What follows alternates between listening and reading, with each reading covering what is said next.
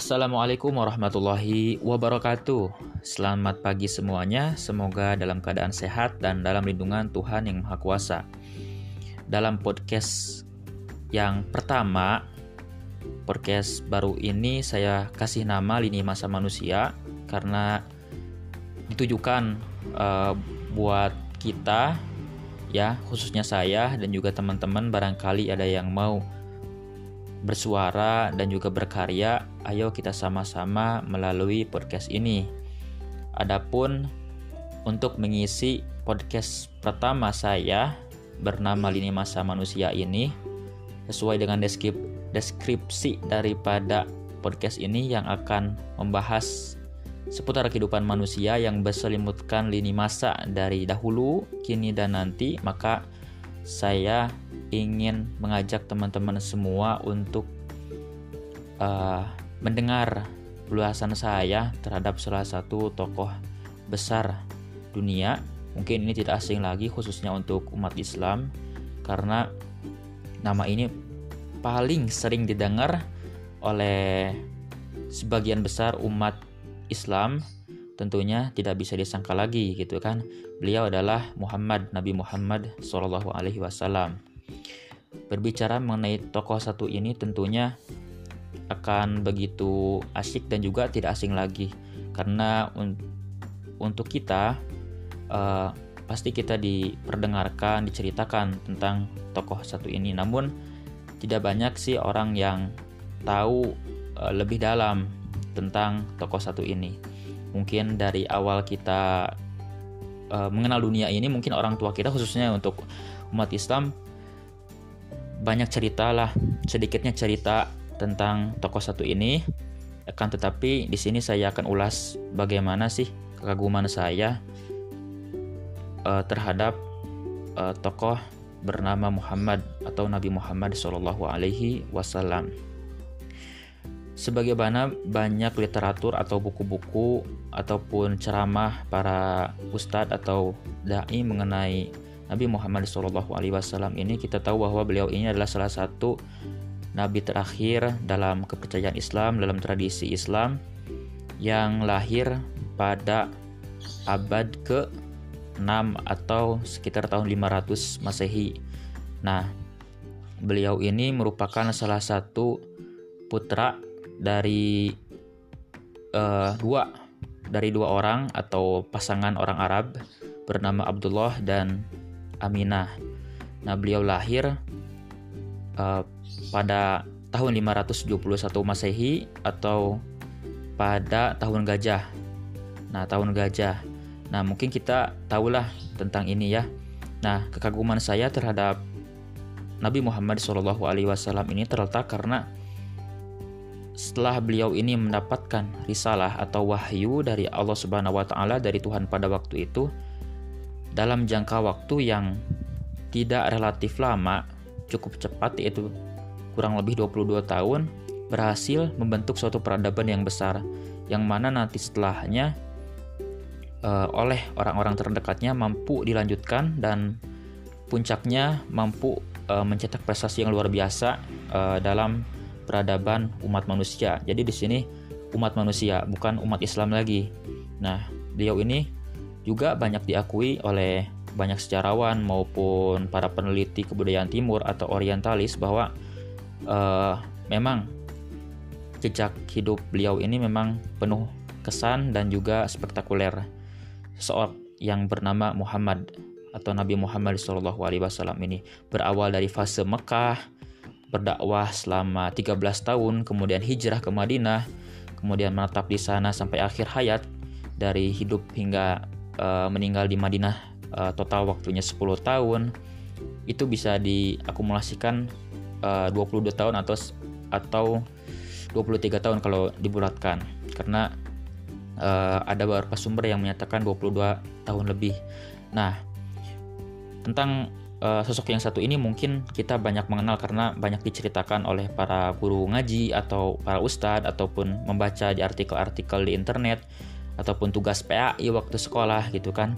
Nah mungkin di sini ada hal-hal yang mungkin nggak banyak orang tahu nih tentang uh, sosok yang satu ini, yaitu nasab atau keturunan uh, beliau ini dari mana sih? Nah, saya merujuk kepada salah satu buku karya Syekh Al Mubarak Furi uh, dengan judul Surah Nabawiyah ini terbitan Darul Haq. Nah, di sini dijelaskan dengan cukup rinci jadi ini sangat dianjurkanlah buat teman-teman yang pengen memahami atau membaca uh, jejak kehidupan Nabi Muhammad SAW silahkan bisa dipesan buku Sirah Nabawiyah karya Syekh Sofiur Rahman Al Mubarak Puri. Nah, di sini diulas bahwasanya uh, keturunan Nabi Muhammad SAW ini cukup panjang dan dirunut sampai uh, sosok bernama Adnan. Beliau ini lahirkan di Arab, mungkin sekarang uh, jadi wilayah Arab Saudi, uh, lahir di Mekah uh, pada waktu itu. Dan di buku ini dijelaskan bahwasanya kita akan sorot uh, salah satu uh, beberapa uh, leluhur daripada Nabi Muhammad SAW. Kita harus tahu dulu bahwasanya Nabi Muhammad SAW ini memiliki ayah bernama Abdullah, kemudian memiliki kakek bernama Abdul Muthalib kemudian memiliki uh, moyang atau buyut bernama Hashim. Di sini jelaskan uh, tiga orang tersebut dari ayahnya, kemudian kakeknya dan juga buyutnya. Dan kita akan bahas dari buyutnya terlebih dahulu. Buyutnya yaitu bernama Hashim. Nah, Hashim ini merupakan sebuah julukan sebetulnya. Nama aslinya adalah Amir. Nah, Hashim ini e, merupakan julukan karena beliau ini adalah orang yang pertama kali e, menginisiasi e, memberikan e, hidangan untuk jamaah haji di Mekah. Karena e, beliau ini lahir di Mekah kan Rasulullah ini lahir di Mekah dan juga keturunan e, luhurnya di, dari Mekah. Maka Hashim ini memberikan e, e, hidangan berupa roti namanya roti sarid dan juga minuman dan beliau ini merupakan salah satu uh, tokoh terkenal di Mekah pada waktu itu. Namun meskipun terkenal, hidupnya sederhana. Nah, beliau ini menikah dengan salah satu perempuan dari Madinah dan dari perempuan tersebut lahir uh, seorang anak laki-laki bernama uh, Syaibah. Nah, Syaibah. Nah, Syaibah ini uh, kita kenal dengan nama Abdul Muthalib. Nah, dari nama Abdul nama asli Abdul Muthalib itu adalah Syaibah. Nah, Abdul kenapa disebut Abdul Muthalib? Karena ketika uh, saya lahir di Madinah, uh, kemudian Hashim pergi ke berdagang ke luar Madinah dan wafat. Nah, Syaibah ini bersama ibunya ditinggal ditinggal di Madinah. Nah, ketika waktu itu saudara-saudaranya pada gak tahu nih anak dari Hashim itu. Nah, makanya setelah ada kabar uh, saudaranya Hashim itu, nah saudaranya Hasim datang ke Madinah cari anaknya uh, saudaranya itu ya ketemu dia sama Saibah dia niatnya mau bawa. Nah tapi dia gak diizinkan. Tapi setelah ada negosiasi akhirnya Saibah dibawa oleh saudaranya Hasim ke Mekah. Nah siapa nama saudara Hasim itu? Ialah Mutolib nah pada waktu itu Mutolib membawa Saibah uh, dengan menaiki unta dan disimpan di uh, bagian uh, atas di depannya. Nah, pada waktu itu orang-orang menyebut bahwa si Saibah itu adalah hamba sahaya atau bahasa Arabnya Abdul. Abd. Wah, itu hamba sayanya Mutalib tuh. Atau uh, jadi uh, nyebut Abdul Mutalib itu kan. Wah, itu Abdul Mutalib. Berarti hamba sayanya Mutalib. Nah, tapi Mutalib waktu itu marah.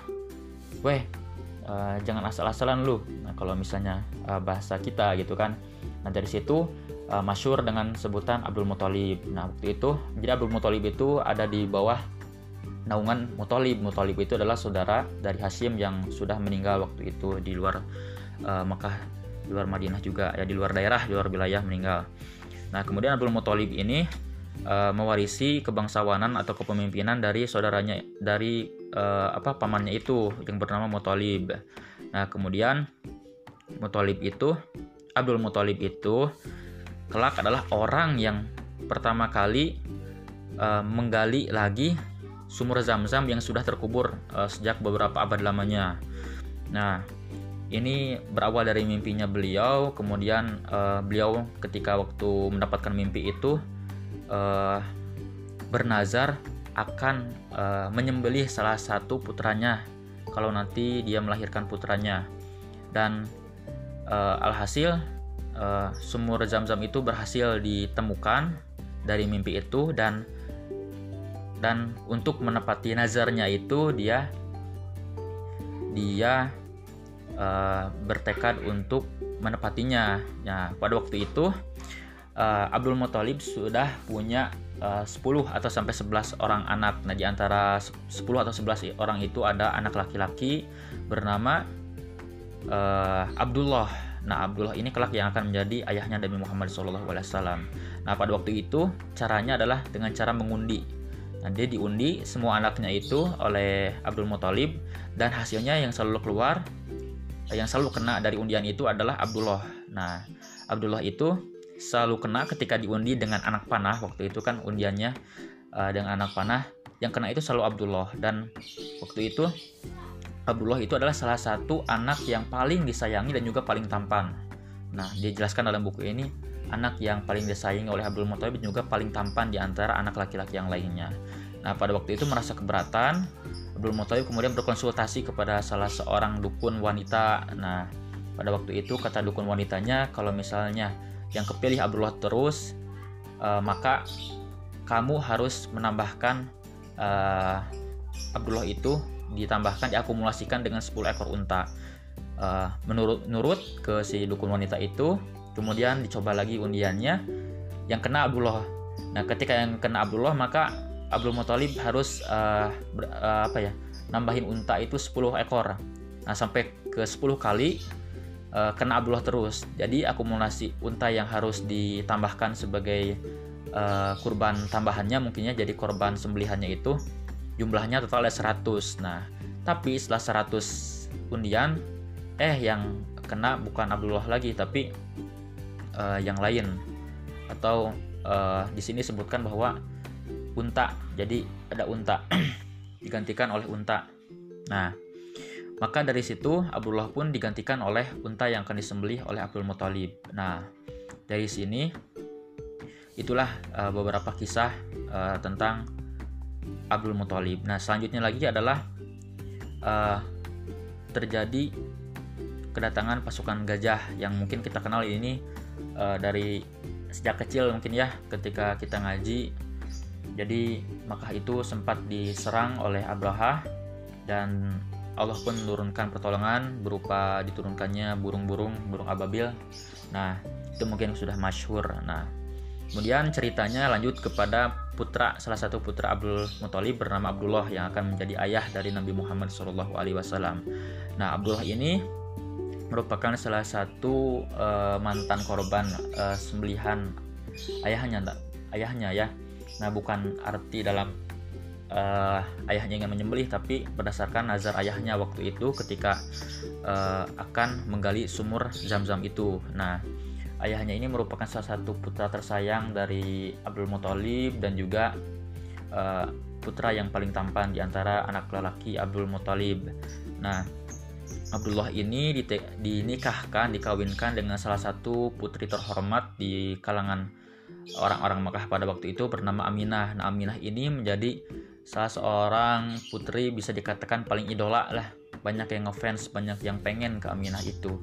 Dan Abdullah berhasil mendapatkan Aminah dan kemudian menikah dengan Aminah. Nah, uh, kemudian uh, setelah menikah itu uh, pasangan ini melahirkan salah seorang putra Nah, akan tetapi sebelum kelahiran uh, putra ini Abdullah wafat karena pada waktu itu uh, Abdullah disuruh oleh Abdul Muthalib oleh ayahnya untuk pergi ke Madinah untuk mengumpulkan kurma akan tetapi beliau wafat di perjalanan. Nah, waktu itu Abdullah wafat pada usia 25 tahun. Nah, sedangkan Aminah waktu itu masih ada di Mekah mengandung salah seorang putra yang kelak bernama Muhammad. Nah, itu mungkin uh, leluhur daripada uh, tokoh besar yang bernama Muhammad ini. Nah, mungkin ini uh, saya yakin banyak orang-orang yang belum tahu uh, leluhur dan juga kisah-kisah yang dialaminya berdasarkan salah satu uh, buku karya Syekh Safiur Rahman Al Mubarakfuri uh, dengan judul Sirah Nabawiyah. Nah, mungkin itu saja yang bisa saya sampaikan. Semoga bermanfaat uh, dalam podcast pertama kali ini. Wassalamualaikum warahmatullahi wabarakatuh.